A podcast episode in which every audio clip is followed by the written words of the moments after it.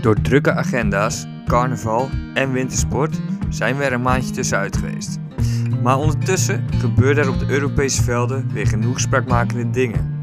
Zo zijn zowel Ajax als PSV tijdens de carnavalsperiode roemloos Europees uitgeschakeld.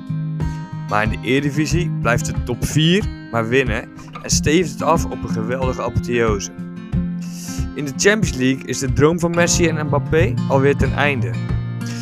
Andere competities in Europa staan Arsenal, Barcelona en Napoli nog steeds vier bovenaan. Ondertussen is ook de eerste voorselectie van Koeman alweer bekend. Kortom, weer genoeg te bespreken in deze gloednieuwe aflevering in de vaste samenstelling. Welkom bij aflevering 22 van Pleintjespraat.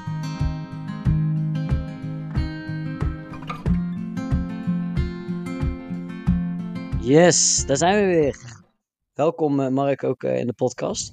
Um, ja, ja, een tijdje geleden weer dat we er, uh, dat we er waren. Hoop gebeurt, wat jij net al in de intro zegt. de actualiteiten van dit moment zijn weer, ja, in de voetballerij kan je altijd wel over iets praten. En nou, daarnaast ook nog andere actualiteiten. Op dit moment natuurlijk verhalen naar buiten gekomen dat, dat er een bepaalde cultuur heerste bij de NOS ook echt bij uh, sportverslaggevers, waar wij natuurlijk uh, jarenlang naar hebben gekeken. Hè, de Jack van Gelders, de uh, Tom Egberts, Mart Smeets. Um, daar echt verhalen over in de Volkskrant, dat die ja, dingen hebben gedaan die, die niet echt konden. Hè, Jack van Gelder, die bepaalde opmerkingen maakte naar vrouwen. Tom Egberts die vreemd ging. Wat ik best wel, best wel vreemd vond. Ik dacht, Tom Egberts, ik vond het altijd een beetje zo'n ja, een beetje een onzekere man. Weet je, als echt Tommetje autocue, wat ze altijd bij VI zeggen. Ik, st ik, mhm. stond daar best wel van te kijken. En van Jack van Gelder had ik het eigenlijk wel verwacht. Maar ik vond die quote, als je in, uh, in dat artikel las, uh, dat die vrouw belde, dat die zei: uh, Ik zit net in bad, ik heb net mijn hoofd geschoren. Ja, dat vond ik wel echt een hele grappige quote. dat heb ik niet eens gelezen, dat stuk. Hey, ik zag wel inderdaad wat, ja. wat stukjes ja, over dat ze dan dat ze het hebben over, moet die hoer ook mee en zo, als ze het over een bepaalde vrouw op die redactie hebben. En uh, ja, het is natuurlijk uh, niet normaal wat daar allemaal gebeurd is. Maar bijvoorbeeld heeft zo'n uh, Arno Vermeulen daar ook nog iets mee te maken. Dat is nu natuurlijk de chef van dat? de commentatoren. ja. Nee, nou, ja, ja, niet dat ik weet. Maar... Nee. Nee, ik denk het niet, maar um, ja, nu ging het een beetje over de algehele, algehele cultuur. Maar om gelijk een, eh, een tip erin te gooien, je hebt de Hartgras podcast. Dat is een podcast waar een, uh, ja, eigenlijk telkens andere mensen zitten, waaronder ook Frank van der Lende. Wel als eerst zat Thijs van Nieuwkerk daar misschien niet in deze, in deze discussie helemaal goed. Maar daar zitten een paar mensen en die, die, hebben, die van deze week is wel leuk, want het gaat onder andere natuurlijk ook over die NOS-zaak. Maar daar zitten ook mensen bij die zelf ook commentator zijn, dus kunnen er niet al te veel over zeggen. Maar die hebben daar best wel een, een leuk gesprek over. Dus uh, dat is al eventjes de tip uh, van nu. Maar ik stond er wel een beetje van te kijken en ik ben nog wel uh, benieuwd hoe dat verder zal gaan. Ook zelfs zo erg natuurlijk dat Tom Egberts niet studio voetbal presenteerde. Dus nou, dat is natuurlijk op dit moment gaande. Nou, daarnaast de verkiezingen. Nou, ik vanuit Barcelona, ik kan ook stemmen, maar dan moet ik iemand machtigen. Um, nou, in deze tijd heel veel mensen op tv die allemaal hun campagne draaien. Nou, wat heeft dat met voetbal te maken? het ja, programma Vandaag Inside, wat eerst natuurlijk altijd Voetbal Inside was, wordt nu een beetje als campagnepropaganda gebruikt. Um, de afgelopen dagen zaten er, of in ieder geval afgelopen week, zaten er uh, best wel wat politici. Uh, Caroline van der Plas, uh, Hugo de Jonge en uh, gisteren zat Mark Rutte er. Hoe vond ja. jij dat? Ja, ik hoorde het een paar weken geleden dat hij daar ging zitten. Ja, nou, ik wist al meteen, die uitzending ga ik natuurlijk kijken. En ik denk miljoenen andere Nederlanders ook. Ja, en toen ja. kreeg ze natuurlijk wel wat kritiek van um, onder andere van Eus, die daar ook best wel vaak zit.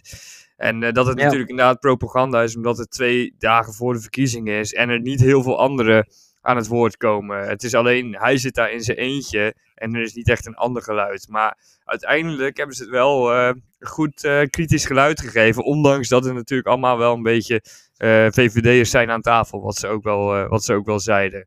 Maar ja, ik heb wel af en toe moeten ja. lachen hoor, van wat je allemaal wel niet kan zeggen in Nederland tegen de premier.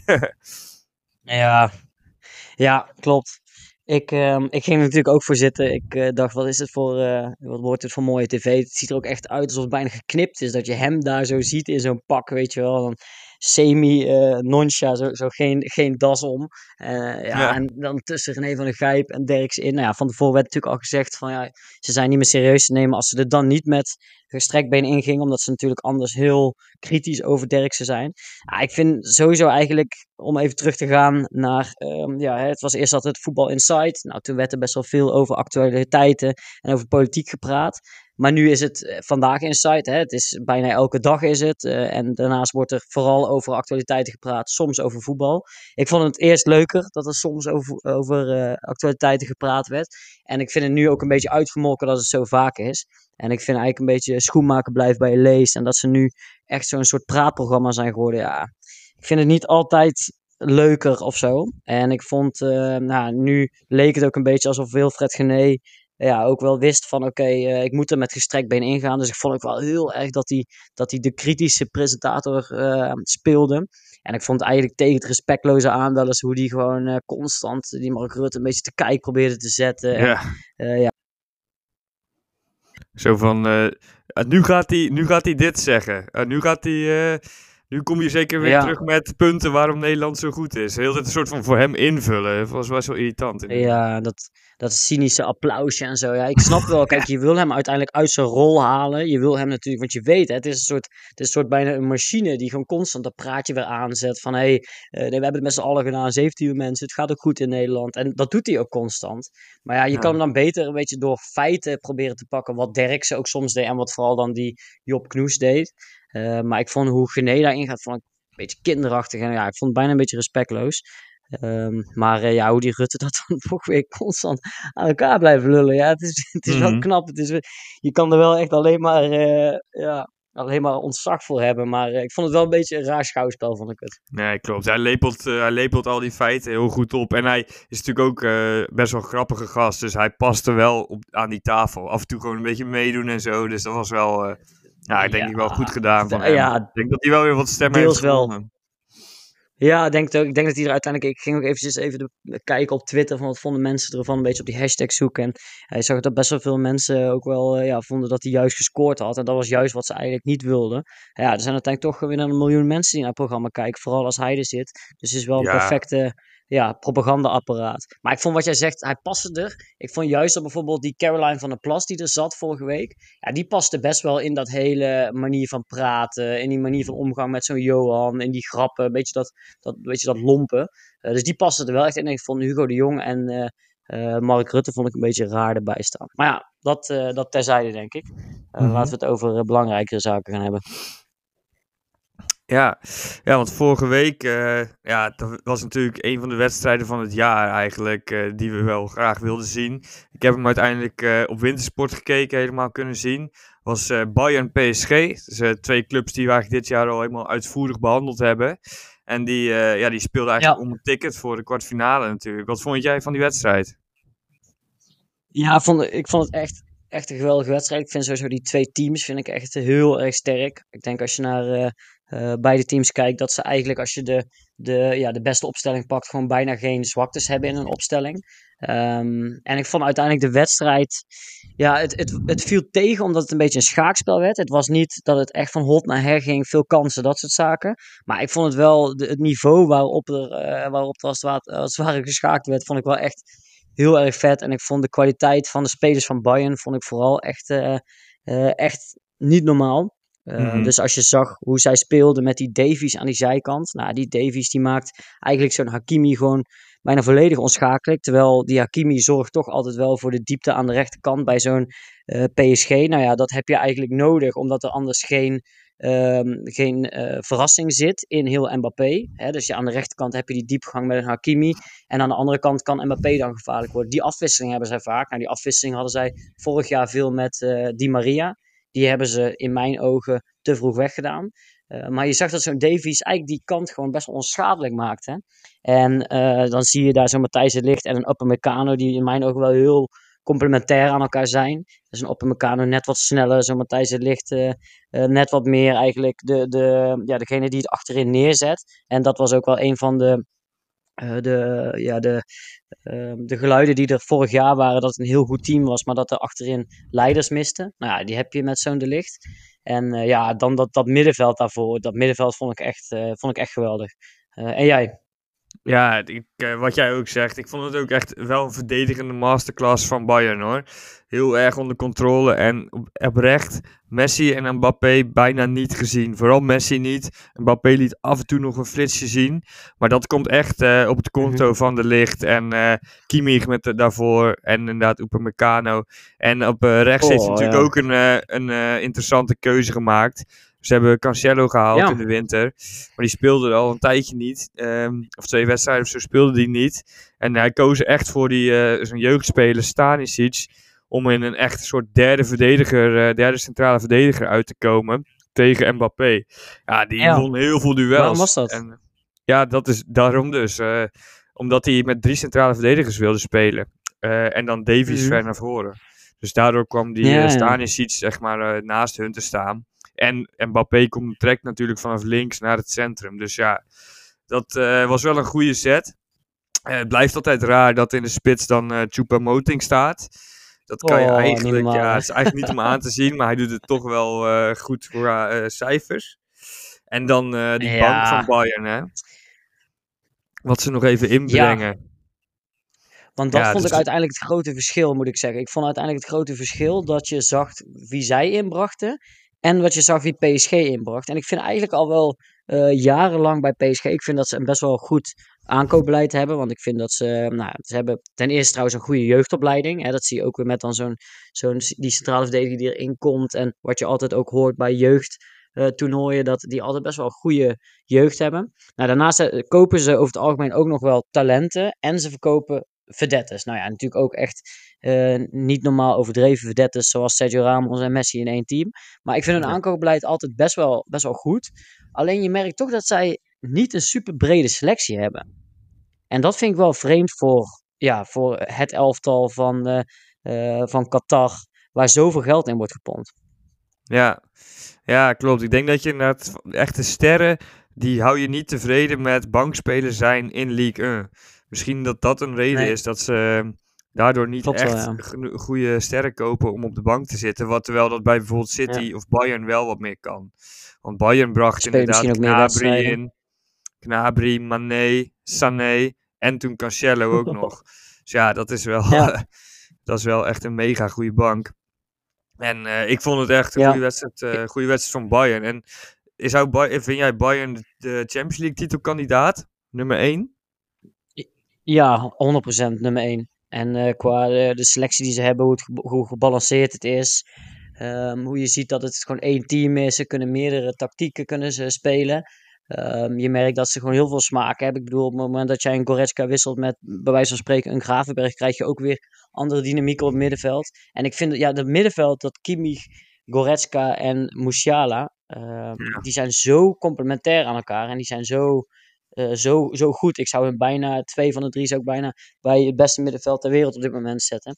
Dus ja, en ik, ik geloof ook zo in een Mané als aanvaller. En uh, ja, ik denk echt dat zij uh, kampioenskandidaat nummer 1 zijn. Ik ben zelf niet kapot van Koman en Sané. Nou, dat weet je. Dat vind ik over het algemeen spelers die, ja, ja, blaf van de honden, maar de bijten niet. Maar ik vind Mané en Gnabry vind ik heel doelgericht. En ik hoop eigenlijk dat zo'n Mané straks in spits komt te spelen. En dan zo'n Gnabry en een Coman daaromheen met Musiala op 10 of een Moeder op 10.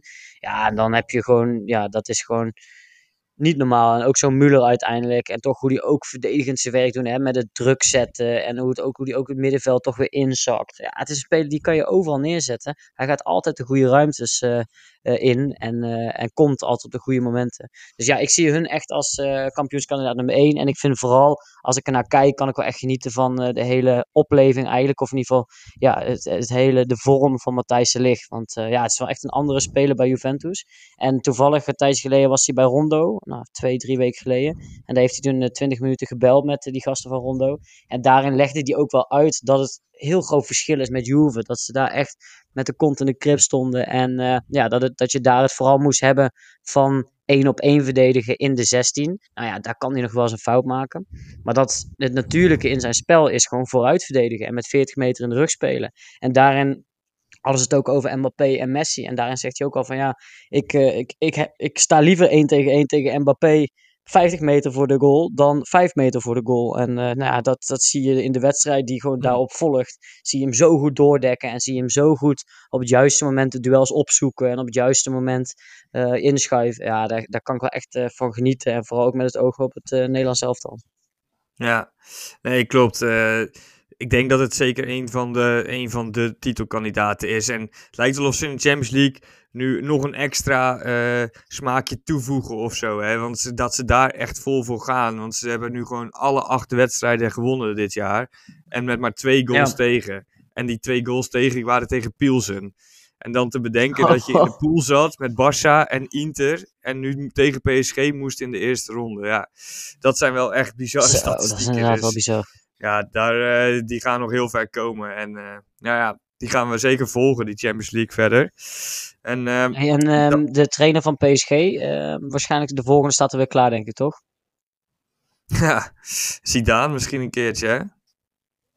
Dat is toch, ik bedoel, daar gaat het alleen maar om de Champions League. En ze gaan telkens voor die kwartfinale of in de kwartfinale gaan ze eruit. Nu volgens mij acht jaar op rij, als ik het even goed zo zeg. Ja, dat is. En ook als je ziet hoe verdedigend die wisselt, hè. Hij blijft gewoon. In plaats van dat hij er gewoon even een aanvaller in uh, gooit, blijft hij gewoon behouden. Um, ja, spelen als hij 1-0 achter staat. Hè, in totaal dus 2-0. Maar ook als hij 3-0 achter staat. denk je, ja, ga iets opportunistischer spelen, weet je wel. Maar dat zit er bij hem niet echt in. En het is veel vanuit zijn 4-4-2. En ja, ik snap dat, dat je met Neymar een van je, je belangrijkste spelers mist. Maar uh, ja, hij komt ook niet met een echt een antwoord uh, in mijn ogen. Nee, ja, ja. Ik ben benieuwd of die, uh, of die eruit gaat. En, uh, en dan in Engeland, daar uh, was ook nog best wel een leuk resultaat. Ik weet niet of je die wedstrijd gezien hebt. Liverpool tegen United is nog geweest.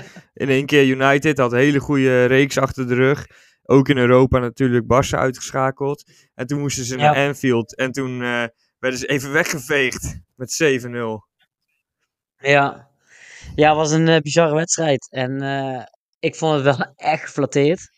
Dat wel. En uh, nou ja, wat je ook zag is dat het eigenlijk bijna bij rust gewoon nog 0-0 stond.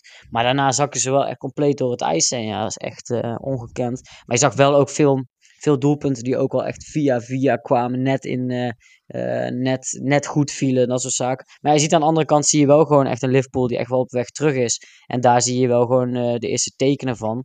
En dat is vooral te zien aan dat het daar voorin wat meer begint te draaien. En onder andere met, met Gakpo natuurlijk met twee doelpunten. Ja. En uh, ja, je ziet wel, want hij speelt een beetje in de Firmino-rol. Nou, Firmino die op dit moment uh, een beetje aan Ajax gelinkt wordt. Uh, maar dus een beetje als valse spits die iets meer inzakt. Waardoor er ja, daarachter een Salah en de andere aanvaller in die ruimtes kunnen duiken. ja, en hij is natuurlijk heel doeltreffend. Dat was hij bij PSV ook. Maar dat laat hij nu ook op dat niveau zien. Dus dat vond ik wel, ja, vond ik wel heel vet. Wat vond jij van die wedstrijd dan? Ja, ik vond het ook uh, natuurlijk echt een uh, mega vette wedstrijd. Hoe je dat zo'n beetje zat te volgen. Hoe die stand uh, zich vol, voltrok. En uiteindelijk vind ik het wel heel, heel vet voor die aanvallers. Dat, ze dat, dat alle drie de aanvallers gewoon twee keer scoren. Dus ook zo'n Gakpo en Nunez en, en Salah. En Salah die, ja. ja. die maakte die verdediging helemaal gek natuurlijk. Ook Martinez kwam niet heel goed uit. En een hele mooie goal van Gakpo, hè, dat stiftje. Ja, maar ik vond die, eerste nog bijna mooier hoor. Die, uh, die, die, die tweede was ook nice hoor. En die maakte heel, heel goed af. Ja, hij komt ook van heel ver met die uh, loopactie. Maar ik vond, uh, vond die eerste ook wel echt zo klassiek. Ja. Je, je, hebt zoveel vertrouwen als je gewoon hup naar binnen. En gewoon, gewoon gelijk echt buiten het bereik van die keeper gewoon in die verre hoek schiet. Dus dat vond ik wel, vond ik wel mooi. En dat is ook weer niet om als een of andere oranje fan met een wortel op mijn hoofd te praten. Maar ook dat is weer wel echt heel belangrijk voor het Nederlands elftal. Want ja, een, een, een aanvaller die op het topniveau presteert, die ook nog gewoon een goede leeftijd heeft, basis gaat staan en nog een goede toekomst voor zich heeft, die hebben we al een tijdje niet gehad. En uh, dat lijkt er nu wel steeds meer aan te komen bij een Gakpo. Dus dat vond ik wel, uh, ja. vond ik wel heel mooi. En ja, ten Hag, bij Ten Hag vielen ze natuurlijk volledig door de, door de mand. Maar hij grijpt dat dan toch wel weer aan natuurlijk om je zag ook wat berichten over dat hij ze had laten zitten in de kleedkamer. En iedereen moest stil zijn, zodat iedereen kon luisteren naar het gejuich op Anfield. Weet je wel, een hmm. beetje dat soort zaken wat hij dan doet. Wat hij toen ook bij, na Brentford Day, een van de eerste wedstrijden, toen ze 4-0 verloren, dat, hij, uh, ja, dat ze alle kilometers die ze minder hadden gelopen dan de Brentford elftal, moesten ze uh, bij een duurloop gaan doen waar hij zelf mee ging lopen. Hij probeert dan toch een bepaalde um, bepaalde reactie op te roepen. Nou, en in de, de, wedstrijd daarna spelen ze voor de Europa League en uh, winnen ze gewoon dik. Uh, ja, dus dat is, wel, dat is wel iets waar. Ja, daarom. Dus dat is toch een bepaalde reactie. En wat je bijvoorbeeld zag bij Ten Hag onder zijn tijd bij Ajax, dat hij altijd een goede reactie. Dus op het moment dat je uh, verloor ergens, eh, bijvoorbeeld een uitschakeling, daarna werd er dan gewonnen overtuigend. En dat is iets wat bijvoorbeeld een Schreuder, hè, degene die na hem kwam, minder had, dat er telkens geen reactie kwam nadat er een tegenslag was. En dat is iets wat hij nu dus wel weer gebruikt. Ik weet, ja, je weet al hoe hij dat gewoon gaat gebruiken van, van als ondergrens. En dat moet bewaakt worden. en daar, daar zal hij gewoon verder aan moeten werken. Maar ik denk wel, kijk, het is een team in opbouw. En het is een team waarin zij als collectief het goed doen. Ze hebben niet de allerbeste spelers. Uh, ja, en als je het echt als collectief zo goed doet, ja, dan kan je ook wel eens een keer door de ondergrens heen zakken. Want dan kan je niet eigenlijk vertrouwen op, uh, ja, op de exceptionele kwaliteiten van je, uh, van je team. dus daarin is het echt wel een team in opbouw. En dan kan je soms een keer zo tegen de lamp aanlopen. Maar ja, het is voor de rest wel, voor de rest heeft hij daar wel goed op orde en het was een super vette wedstrijd. Nee, klopt. Ja, daarom eerste jaar nog maar natuurlijk. En in Engeland is het zo'n moeilijke competitie. je ziet het, het, wekelijks eigenlijk bij de uitslagen dat teams het moeilijk hebben. Uiteindelijk dit weekend had hij het weer moeilijk met 0-0 tegen de nummer laatst. Dus, maar ja, hij zit nog goed op de derde plek, United. En onze Arsenal hij zit, staat hij zit heel goed. nog bovenaan. Ja. ja, dat blijft maar doorgaan. En uh, overtuigend nu ook weer gewonnen. Ja, dat is, dat is een team wat wel... Hè, Gabriel Jesus op de weg terug. Dus mhm. dat is, wel, uh, dat is wel echt mooi. En ik ben ook uh, benieuwd weer dit weekend. Dit weekend, de zondag, wordt echt een, wordt een geweldige dag. Dan speelt ja, niet alleen Arsenal, die, die spelen gewoon een normale wedstrijd. Maar dan is natuurlijk ook de klassieke Ajax Feyenoord. En dan is El Clasico is s'avonds ook nog. Dus ik oh, denk dat ik mezelf gewoon vastlijm aan een parkruk in de Irish Pub hier in Barcelona. En dat wordt weer een mooie wedstrijd. Wordt, ja. ja. ja, zeker weten. Ja, en over Barça gesproken. Ja, jouw clubje doet het natuurlijk best wel goed. Staan ook gewoon eerste. Winnen eigenlijk heel veel. Alles met 1-0 lijkt het wel. Elke keer als ik ze de uitslag bekijk. Wat, hoe komt dat eigenlijk? Dat ze dan steeds met 1-0 winnen? is niet echt Barça. jij werd teleurgesteld natuurlijk. ja. Nee, dat klopt. Klopt. Het is, uh, het is, ze spelen een ander als soort voetbal. Het is, uh, ja, om, om zo even te zeggen, kijk, dat ze, ze hebben op dit moment hebben ze acht tegendoelpunten in 25 wedstrijden. Nou, dat is echt niet normaal. Daar wordt record na record gebroken, of nou qua clean sheets, of na hoeveelheid wedstrijden, hoeveelheid doelpunten. Uh, dus dat doen ze gewoon, ja, hun verdediging is heel erg goed. Is natuurlijk ook echt in geïnvesteerd. Um, nou, daarin uh, heb ik vorige keer volgens mij al een keer over gehad. Is Christus een hele belangrijke uh, pion, die, uh, die echt een stille kracht van die achterhoede is. Ze hebben eigenlijk net op tijd, hebben ze met Balde, eigenlijk een jeugdspeler die op het juiste moment heeft gepiekt en eigenlijk nu heel erg in vorm is dit seizoen. Nou ja, dat hadden ze ook nodig, want Alba kon al jaren niet meer en ze hebben eigenlijk telkens hebben ze niet doorgepakt op andere linksbacks, bijvoorbeeld een Gaia van Valencia of een Grimaldo van Benfica. Uh, nou, aan de andere kant heb je Koundé in een, uh, op rechtsback staan. Ja, Koundé natuurlijk best wel veel geld voor betaald en die staat eigenlijk rechtsback en die speelt als een soort rechter centrale verdediger, wat je net ook over Bayern uh, vertelde. Um, en daarin is hij gewoon heel goed. Hij is snel, hij is krachtig, hij kan inschuiven, hij is voetballend, is hij goed. Uh, en daarnaast uh, Ronald Araujo in de ideale opstelling. Nou, Araujo is uh, heel moeilijk voorbij te komen, snel, fysiek. Um, dus, dus dat bij elkaar maakt een hele goede verdediging. En daarnaast hebben ze met Testegen een keeper die in absolute topvorm is. Nou, ja. Daarnaast is het ook wel zo dat ze um, op het begin op het begin, bijvoorbeeld aan het begin van het seizoen, toen wij het over Barcelona hadden, toen zeiden we van, joh, ze hebben Dembele, ze hebben Lewandowski, ze hebben Depay, Aubameyang, ze hebben Fati, ze hebben Ferran. Dus ze hadden heel veel aanvallers waarvan je echt dacht van, joh, dat wordt echt gewoon, ze staan in de rij van aanvallers uh, die in vorm zijn. Rafinha natuurlijk ook. Alleen, ja, heel snel merkte je eigenlijk al dat Dembele en Rafinha eigenlijk puur rechtsbuiten zijn. En dat die daarin een beetje uitvechten wie er speelt. Um, nou, op dit moment is Dembele een tijdje geblesseerd en is Rafinha de rechtsbuiten. Uh, in de spits is natuurlijk Lewandowski, die wel nu eventjes geblesseerd was en daarvoor ook wel echt wel uit vorm de afgelopen maanden. Weinig ook scoort, terwijl in het begin van het seizoen heel veel scoorde. Een ja. schorsing inderdaad, ja.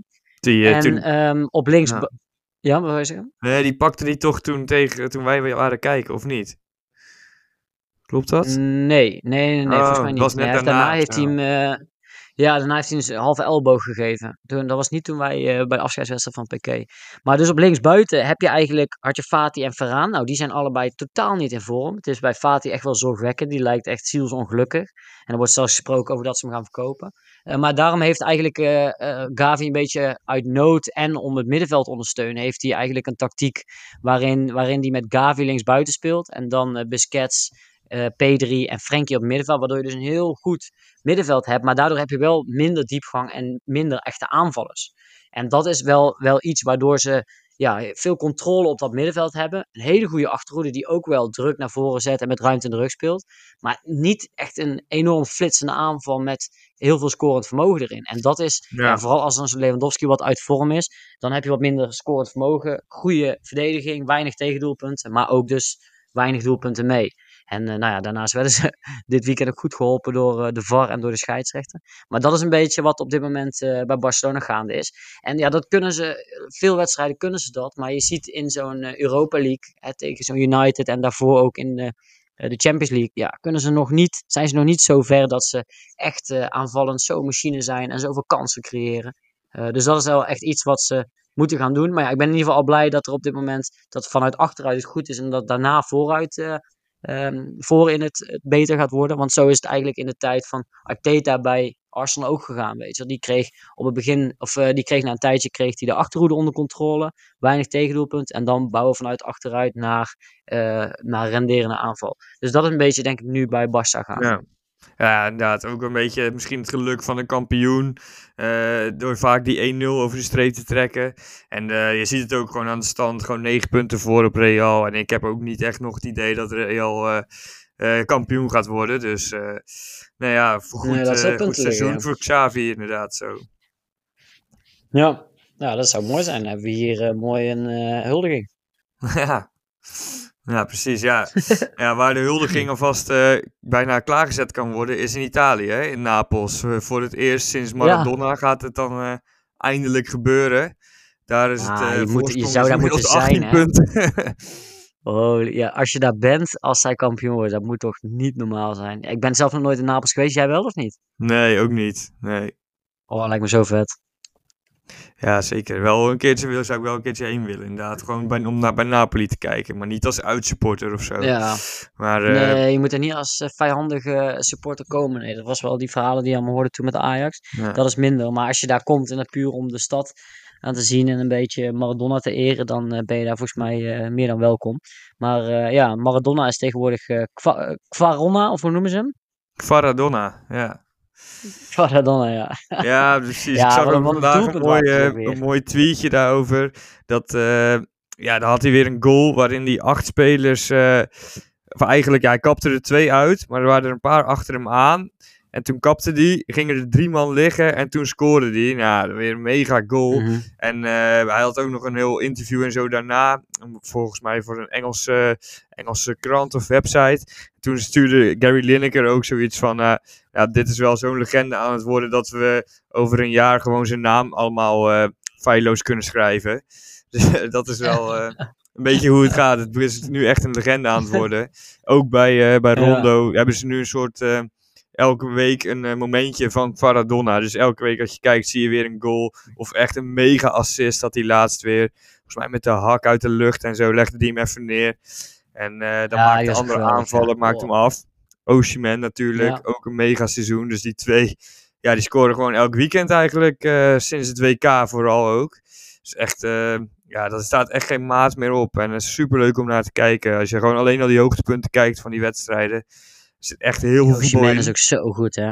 Ja. Wat een topatleet is dat, hè? Groot, ja. sterk, supersnel. En dat is, dat is dynamiek in die schoenen, joh. Dat is ongekend. Ja, zeker. Ik ben ook maar... wel benieuwd of die transfers gaan maken. Hè? Want die Napoli ja. kan het natuurlijk ook nog wel eens, wel eens hebben dat bijvoorbeeld ook met zo'n... Uh... Oh, hoe heet die middenveld nou die er eerst altijd zat? Met die Hanekam. Hamziek. Ja. ja, met zo'n spelers, met Insigne, met Mertens, weet je, die blijven daar toch ook heel lang. Omdat waarschijnlijk het mm. leven is daar top en je wordt daar als een of andere god word je daar uh, behandeld. Uh, dus ik zie het ook nog wel gebeuren dat zo'n uh, Quares Felix, dat hij gewoon blijft, weet je wel. Zo'n Osimhen zie ik wel, als spits zie ik wel sowieso wel weggaan en nou gewoon, een, eh, gewoon naar United gaan of naar Ja. Arsenal of weet ik veel wat. Dat zie ik wel gebeuren, ja. Ja, ik ben wel een beetje bang dat hij daar gaat tegenvallen eigenlijk. Maar want Italië is toch wel echt een ander soort competitie. Dat is voor hem echt een speeltuin, heb ik het idee. 100%. Ja. Ja, Ja, Maar- zeker. Ik bedoel, dat zie je ook met zo'n Nunez. Kijk, ja, wat ik altijd zeg, van het eerste seizoen in de Premier League, als je vanuit buitenaf komt, moet je nog niet iemand wil afrekenen. Dus dat doe ik bij die, bij die Nunez ook totaal nog niet. Maar ja, je merkt wel bij hem ook, weet je wel, dan, hij zat dan natuurlijk in eh, Portugal. Ja, het, het Mhm. verschil in techniek en snelheid en in, ja, in intensiteit en zo is wel echt zo- zo'n groot verschil. Maar, eh, maar ja, aan de andere kant heeft die eh Osimhen wel fysiek zoveel dingen mee dat je eigenlijk wel denkt van dat dat wel goed komt. Maar ja, eh, ja, en ja, ook die zitten nog in de Champions. League. Dus daar ben ik ook wel benieuwd naar. Dat zie ik ook wel als een van de kansen hoor. Die hebben Ja, natuurlijk kunnen redelijk freewheelen in de competitie met die, met die grote Ja. voorsprong. En dat speel je echt niet lekker tegen hoor. Dit jaar. nee, niemand wil dat tegen loten. Nee. Absoluut niet. Nee, Nee. nee, dan kan je beter tegen Chelsea loten. Ja, nou, we gaan denk ik nog wel een keer eh, wat uitgebreider in over, eh, over Napoli. Dat lijkt me wel een mooi om te doen. Eh, Ja, Nou ja, in ieder geval binnenkort staat ook al eh, weer Nederlands elftal in Interlands op de, op de planning. Eh voorselectie is Hoe- inmiddels hoe, gaan we bekend. dat doen? Hoe Ja. gaan we dat doen zonder Vincent Janssen en Luc de Jong? Ja, zeg jij het maar. Eh, heel apart. Allebei, eh, tenminste, Vincent Jansen zat nog in de voorselectie. Luc de Jong die maakte het vijf minuten voor de voorselectie bekend. Kijk, Ah, bij top. Luc de Jong had ik een beetje het idee dat is in samenspraak met Koeman gegaan. Die Ja. heeft denk ik, Koeman heeft gezegd van ik ga heel weinig gebruik van je maken. En eh, ik ga gewoon voor de lange termijn kijken, voor over twee jaar. En dan denk ik Want, dat eh, jij want bij PSV... Koeman, ter achtergrond, Koeman heeft hem wel veel gebruikt bij Oranje. Veel natuurlijk ook als plan B en zo. En heeft Ja. hem natuurlijk ook naar Barça gehaald. Dat wel, dat wel. Maar dat idee Ja. kreeg ik er een beetje bij, omdat het met die timing zo vlak voor die voorselectie was. En dat hij misschien heeft Ja. gezegd van, ja, eh, je mag gewoon nog beschikbaar blijven, maar ik ga je niet heel veel gebruiken. Dus je mag ook eh, een soort van de eer aan jezelf houden en zelf je eigen afscheid eh, bedenken. En dat heeft hij nu dus gedaan, eh, door, eh, nou ja, door dat bekend te maken. Nou ja, daar ben Ja. ik verder ook Ja, niet heel natuurlijk- rauwig om. Nee, hij is natuurlijk ook al wel, wel op leeftijd. Wel, hij is niet super oud. Hij kan wel een paar jaar mee. Hij is wel op leeftijd. Maar die Vincent Janssen is gewoon 28 jaar. Waarom denk je dat dat dan is? Ja, 28 jaar en hij is topscorer in België.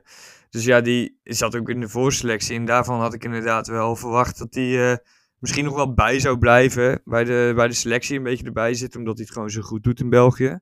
Maar eh, ja, Ja. heel apart. Het lijkt ook wel alsof het een beetje een, een, eh, een aparte vogel is in de voetbalwereld. Hij is natuurlijk ook niet voor niks naar Mexico gegaan toen. Terwijl hij Mhm. nog echt in de bloei van zijn, nou ja, in midden in zijn carrière zat. Ehm, ja, misschien dat hij gewoon wat andere dingen wil doen en wat meer rust wilt. Eh, niet meer voor als wisselspeler steeds naar Zeist moeten. Dat snap ik dan ook wel weer. Mhm. Als, als hij basisspeler was Zeist- geweest, Zeist Antwerpen valt ook wel mee natuurlijk. dat wel. Maar je bent wel weer altijd een paar dagen weg van, van huis. Ja, oké, maar aan de andere kant, ja, ik snap wel wat je bedoelt hoor. Ik snap wel dat het misschien inderdaad eh, een beetje een, een anti-held of een beetje een niet-typische voetballer is. Maar aan de andere kant mag zo'n gozer toch zijn blote knietjes eh, bedanken dat hij überhaupt in een oranje shirt mag spelen, wat niet eh, FC Volendam is. Dus ik vind het wel een Ja. beetje vreemd hoor. Ik vind het een beetje Ja, vreemd dat eh, 100%. dat iedereen nu gaat bedanken. Ik bedoel, ja, alsof, ja, dadelijk gaat Henk Veerman nog, nog social media post de deur uit doen dat hij bedankt voor Nederland zelf. Ik vind het een beetje raar. Ja. Ik denk eerder dat ze gewoon allemaal, gewoon allemaal bang zijn voor Woutje Weghorst, denk ik. Gewoon de Ja, opkomst ja. van Woutje Weghorst. Ja, zeker. Daar staat geen En maat op natuurlijk. Brian Dus, Brobby. eh, nou, die is daar denk ik ook bang voor, want eh, die zit ook lekker op de bank bij Ajax. Dat is ook eh, niet helemaal... ja, het is, want het is wel ook leuk om te kijken, hè. Wat jij zegt, de, de nieuwe selectie, de nieuwe voorselectie is er weer uit. Nou, dat betekent ook dat er weer interlands gaan komen, wat je al zegt. Ehm, en het is altijd mooi om te zien dat bepaalde spelers zich goed ontwikkelen. Nou, in het liefste zou je hebben dat alle prospects van Nederland zelf zich allemaal goed zouden ontwikkelen. Nou, dat doen ze niet allemaal, wat we net al zeggen met een eh, Brian Brobby. Maar een aantal spelers ook wel. Hè? Een uh, Xavi Simons die natuurlijk eh, eh, onmisbaar is bij PSV en daar gewoon een super vette groei mee doormaakt. Uh, Gakpo die we net al noemen, die het, uh, die het supergoed doet. Matthijs de Ligt. Frenkie de Jong die op dit moment in Barcelona onomstreden is. Ja. En de directie heeft al uh, naar buiten gebracht dat ze heel blij zijn dat hij niet, ja, het is gegaan afgelopen zomer. Dus ja, een paar spelers die wel echt ehm, stappen maken en juist goed in vorm zijn. Een paar spelers ook niet. Vergeet, Hoe kijk jij nu een beetje naar de huidige... AK nog. Die vergeet ja, je zeker, nog, AK. Zeker. Echt een van de beste spelers onder Guardiola dit jaar.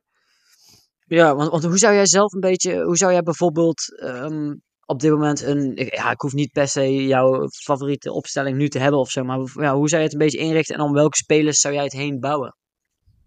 Ja, ook een paar namen die je net natuurlijk noemt. Uh, ik zou uh, in deze de volgende wedstrijd denk ik wel Sillissen heb ik, uh, die is wel echt goed in vorm nog steeds bij NEC. Ja, is goed en er is verder gewoon weinig ja, keus, ja.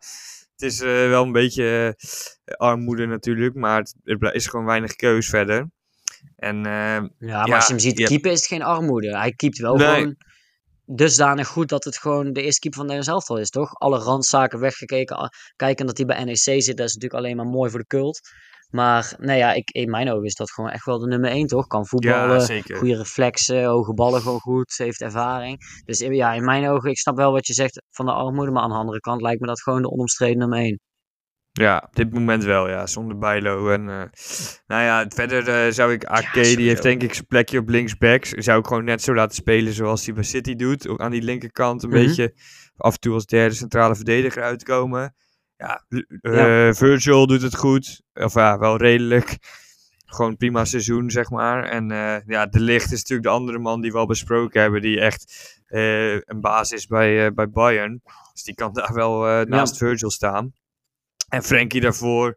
Misschien een koopminers. Uh, doet het ook wel goed dit jaar weer bij uh, Atalanta. En dan misschien een keer met uh, nou, Xavi Simons op 10 bijvoorbeeld. Waarom niet? Ja. Ja, ik denk dat. ja, zou ik ook doen, die namen die jij in ieder geval zegt. Ik denk ehm, dat je met Xavi Simons sowieso wel ook wel een beetje Nederlands zelf wel langzamerhand wel niet omheen moet bouwen hoor. Maar je moet wel kijken hoe je zijn kwaliteit wel naar boven kan laten komen. Ook met het oog op de toekomst ik denk dat, uh, dat je voorin met Gakpo en toch wel Memphis, die toch wel weer ja. uh, in vorm begint te raken. Plus bij gebrek aan beter, zijn die twee wel. Ja, dat, dat zijn wel denk ik uh, zekerheidjes. Vooral een Depay die bijvoorbeeld in de spits kan spelen, die iets inzakt, waardoor Gakpo mooi die ruimtes in kan duiken.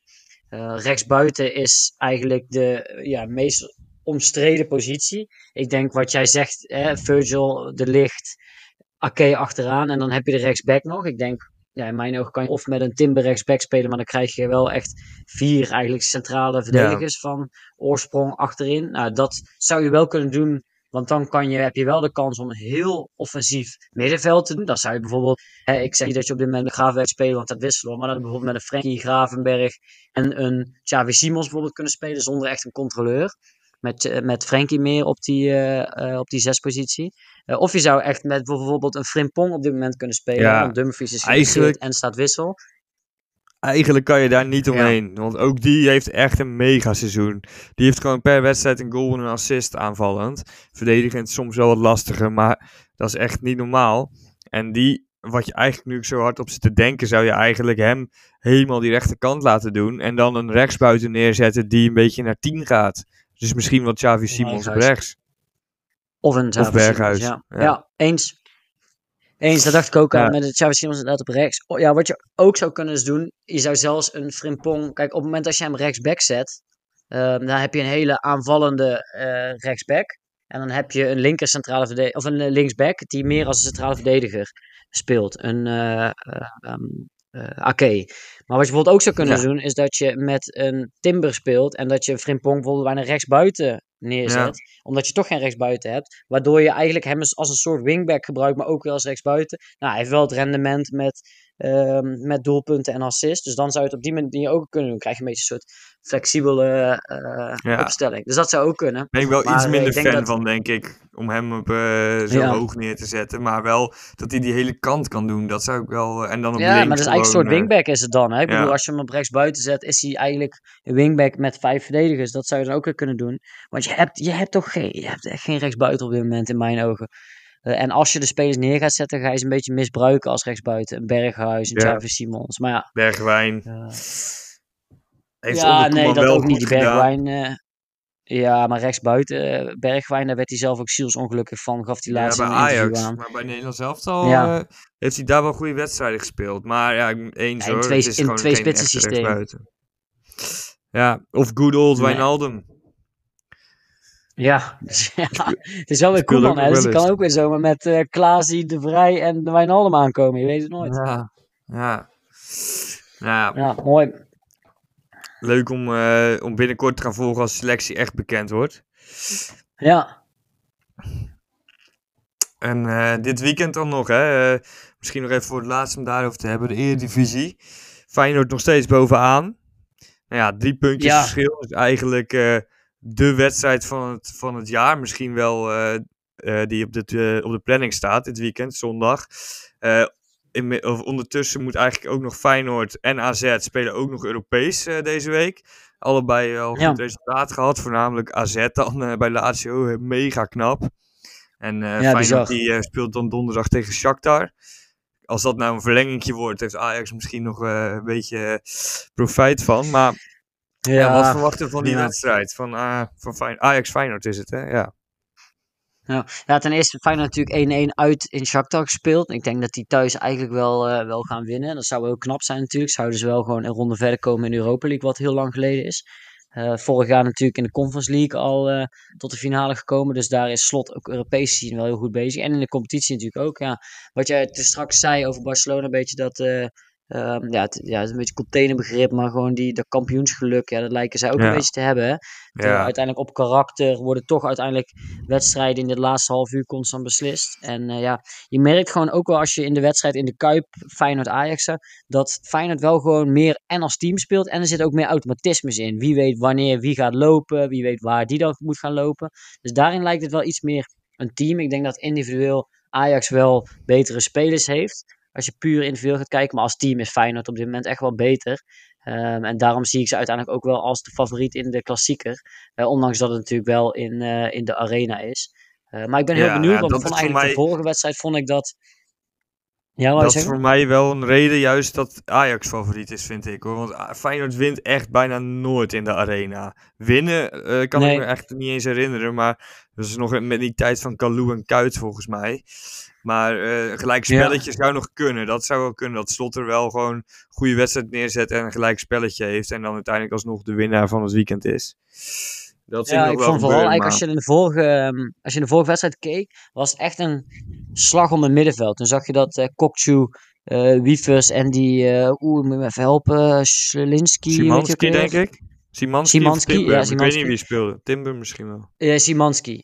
En ja. Um, in, ieder geval, in ieder geval die, dat middenveld, als die gewoon het Ajax middenveld overklassen, dan denk ik dat zij wel de wedstrijd in handen hebben. En dat op dit moment zie ik hun middenveld meer in vorm dan het middenveld van Ajax. Want bij Ajax is nog steeds de vraag wie er überhaupt gaat spelen. Alvarez zal waarschijnlijk op, uh, op 6 komen te staan. Bessie, die het de laatste weken goed doet, zal centraal achterin komen te staan. Nou, dat geeft je wel verdedigende zekerheid. Alleen aan de andere kant lever je daar ook weer voetballend vermogen op middenveld in. En uh, dan is het nog maar de vraag of Klaassen gaat spelen, Berghuis, Taylor. Wie van die drie die andere twee posities invullen. En, en ja, dan wordt het echt wel een test voor een Berghuis en voor een Taylor. Die toch vaak ook wel een topwedstrijd niet al prijsgeven. Of die dan toch van een Kokchu en een Wiefers gewoon in uitstekende vorm kunnen winnen. En ik denk dat dat uiteindelijk de doorslaggevende factor zal zijn. En uh, ja, uiteindelijk heeft Ajax natuurlijk ook niet, uh, geen, niet echt goede backs. Um, nou, dan vind ik de, vind ik de backs van um, Feyenoord vind ik ook niet geweldig. Vorige wedstrijd nee. werd natuurlijk die Hartman wel geroemd. Maar toen stond hij ook tegen een uh, Tadic in, op totaal verkeerde, uh, verkeerde positie. Die kwam telkens op verkeerde plekken uh, in het veld. Kwam die aan de bal. Nou ja, toen kon die Hartman zich natuurlijk uitstekend erin inbijten. Maar ja, op dit moment moet die Hartman tegen Kudus. Nou ja, Kudus is niet van de bal te krijgen. Zelfs niet als je een overtreding op hem maakt en hij valt. Neemt hij een hoge bal nog aan zoals afgelopen weekend. Dus ja, dat wordt een hele andere andere duels worden dat dan vorige wedstrijd. En ik denk dat daar Ajax wel gewoon ja, een stuk verder is en een stuk vooral meer gevaar heeft voorin, wat ook ja, vanuit verschillende kanten kan komen. Wat vorige, vorige wedstrijd in de Kuip natuurlijk alleen maar gericht was op de linksbuiten Berghuis die iets, uh, iets kon doen. Dus ik denk dat dat wel verschillen zijn met vorige keer en dat dat ook gelijk uh, ja, de, de doorslaggevende dingen zullen zijn. En jij? Ja, ja 100%. Zo, ik ben heel benieuwd naar uh, Kudus, inderdaad. Ik ja, zo genot om naar te kijken op rechtsbuiten in die vrije rol. En Tadic hetzelfde, die uh, de laatste weken gewoon echt weer van die hele korte paasjes geeft en combinaties maakt en uh, mega aanspeelpunt is en ook nog naar links kan uitwijken. Dus dat is ook wel mooi. Dat wanneer Bergwijn dan induikt. En over voetbal op het middenveld ben ik het op zich niet helemaal eens met jou wat je zei. Ik vind dat Alvarez dat toch wel steeds beter doet.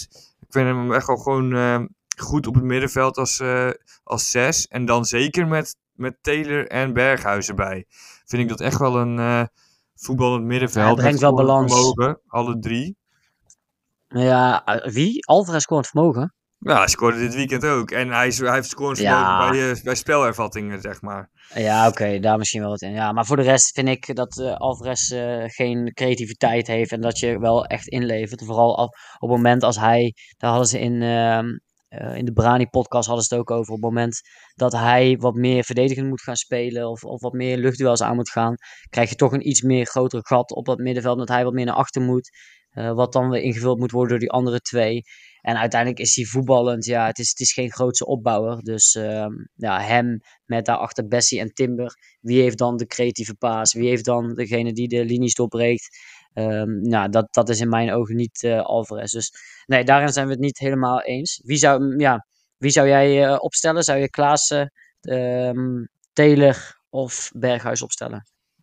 Ik zou het lekker uh, laten staan zoals tegen Heerenveen. Dus daarbij Taylor en Berghuis en Klaassen ja. later inbrengen. Ja. Klaassen ook wel lekker heel in te brengen. Ja, daarom. En Robbie ook. Precies. Ja. Ik ben wel benieuwd. Welke, ja. Want jij hebt het over kwaliteit. Het individueel is uh, Ajax dus beter, zeg jij. Maar wie, welke spelers van Feyenoord zouden in de basis staan bij Ajax, denk jij? Um, even kijken. Nou ja, uh, een fitte Bijlo zou wel, denk ja. ik, in de basis staan. Uh, nou ja, dat, die wordt wel telkens geroemd om, om hem te keeper. Maar voor de rest is hij natuurlijk wel heel veel geblesseerd. Wat een beetje zijn manco is. Um, en voor de rest, even kijken. Ja, Kokju sowieso op dit ja. moment eigenlijk wel Kokju en Wiever. Uh, daarnaast Geertruida ook wel, die natuurlijk uh, echt een hele goede ontwikkeling doormaakt als centrale verdediger. Um, en ja, wat ik zeg, ik vind de backs aan beide kanten niet echt goed. Ik vind, ik vind Rens heel afwezig. Uh, en ik vind dat hij en aanvallend en verdedigend niet echt heel veel bijdraagt. Dus in mijn ogen zou Pedersen dan een betere rechtsback zijn dan, dan Rens op dit moment. Wijndal, nee, Hartman. Nee, nee. Oh. Ja, ik, ik ben helemaal niet onder de indruk van Rens. En uh, ja, dat, uh, ja, zelfs Pedersen zou ik daarboven um, kiezen. Voor de rest voorin, ik vind Jaan Baks niet beter dan Kudus. En ik vind uh, een Idrissi vind ik ook niet beter dan een... dan Bergwijn. Ondanks dat Bergwijn natuurlijk best wel uit vorm was, nu weer iets meer in vorm begint te raken. en Diel Rozen ja, is denk ik op dit moment meer in vorm dan de, de middenvelder of de nummer 10 van Ajax. Uh, en voorin in de spits zou ik altijd Thadis doen boven Jiménez of boven, ja. uh, boven hoe heet die, Danilo. Want ja, Thadis is natuurlijk, wij zijn natuurlijk bezig van die statistiek fetischisten. Maar uiteindelijk is hij gewoon elk seizoen weer de meest belangrijke speler bij Ajax. En ik vind hem ook gewoon nu als spits vind ik hem geweldig. Als linksbuiten vind ik hem geweldig. Dus die zou ik, uh, dus dat zou een beetje mijn opstelling zijn. Daarnaast, ehm, ja, want hoe, hoe, wie zou jij dan achterin kiezen? Ja, nou, sowieso wel Geertruida dat sowieso. En misschien een fitte, misschien een fitte Trauner, maar ik ben op zich, als je Geertruida op rechtsback zet en dan Timber en Bessie, zou ik dat ook nog wel goed vinden. Ja, en ik vind eigenlijk de ja, linksbacks wel ja, echt om het even. Dat vind ik wel echt, uh, Hartman ben ik gewoon niet maar fan Hartman van. is veel meer in vorm dan Wijndal natuurlijk. Wat zei je? Als je objectief bent, is Harman natuurlijk ja. veel meer in vorm. Ja, ik bedoel, dat ja, is dat duidelijk. Wijndal is, uh, is, ook super afwezig, laat steken vallen. Aanvallend is Wijndal natuurlijk wel goed met zijn teruggetrokken voorzet en zijn overlap. Maar ja, dat moet er nog maar eens inkomen, want op dit moment uh, uh, is het echt heel matig. en voor de rest, jij? Ja, ook denk ik Wiever zou ik ook niet boven Alvarez durven kiezen hoor, echt niet. Dus dan zou ik wel Kukcu op nee, middenveld hebben en ja, dat was het dan wel denk ik. Dus de twee backs en, uh, en uh, Kuksu, denk ik. En Bijlo. Ja. Ja, oké. Okay. Ja. En, um, want Dilleroos toen zou jij niet boven de Klaas uh, kiezen? Ja, nee. nee. Ik vind het ook niet echt een nummer 10 eigenlijk. meer een rechtsbuiten. En dan zou die nee, tegen Kudus staan. En dan vind ik Kudus toch wel beter. Ja. Ja, bizar dat wij nu die, die aanval van Ajax dan zo als zekerheidjes doen. Terwijl onder Schreuder was natuurlijk... Ja, stond dan weer, dan weer Thadis op rechtsbuiten, dan Bergwijn op rechtsbuiten. Niks rendeerde toen. Ik moet wel zeggen Ja. dat Bobby wel echt tegenvalt, toch? Ja, ja, een beetje. Kijk, goals op zich hij heeft er eh, elf in liggen. Hadden er wel wat meer mogen zijn, maar nog steeds qua speelminuten zijn dat er nog best wel veel hoor.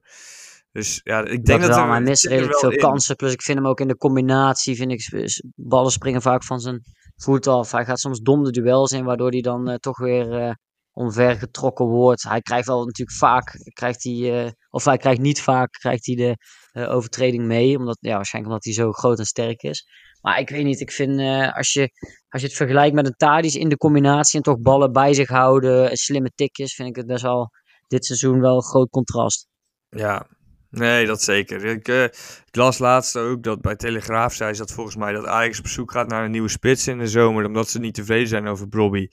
Ja, daar ben ik wel heel benieuwd Ja. naar hoor. Dat vind ik ook wel heel snel, maar ja, eh, er zit ook niemand achter verder, behalve Luca. Dus er moet wel eh, iets bij, maar of dat dan meteen de eerste spits gaat zijn en dan Tadic weer naar links, ja, ik weet het niet. Je gaat weer een probleem creëren, ben ik dan bang, maar dat... dat is allemaal voor de nieuwe, voor de nieuwe TD die dat mag gaan eh, bepalen. Die Julian Ward van Liverpool eh, lijkt nu eh, te worden. Zijn ze in verder onderhandelingen mee. Dus ja, misschien leuk om daar ook een andere keer iets meer over te vertellen. Over ja, wat, zijn, wat hij allemaal heeft gedaan. En als dat inmiddels, rondkomt. Ja, ja, als het rondkomt inderdaad. Ja. Nee, zeker. Absoluut.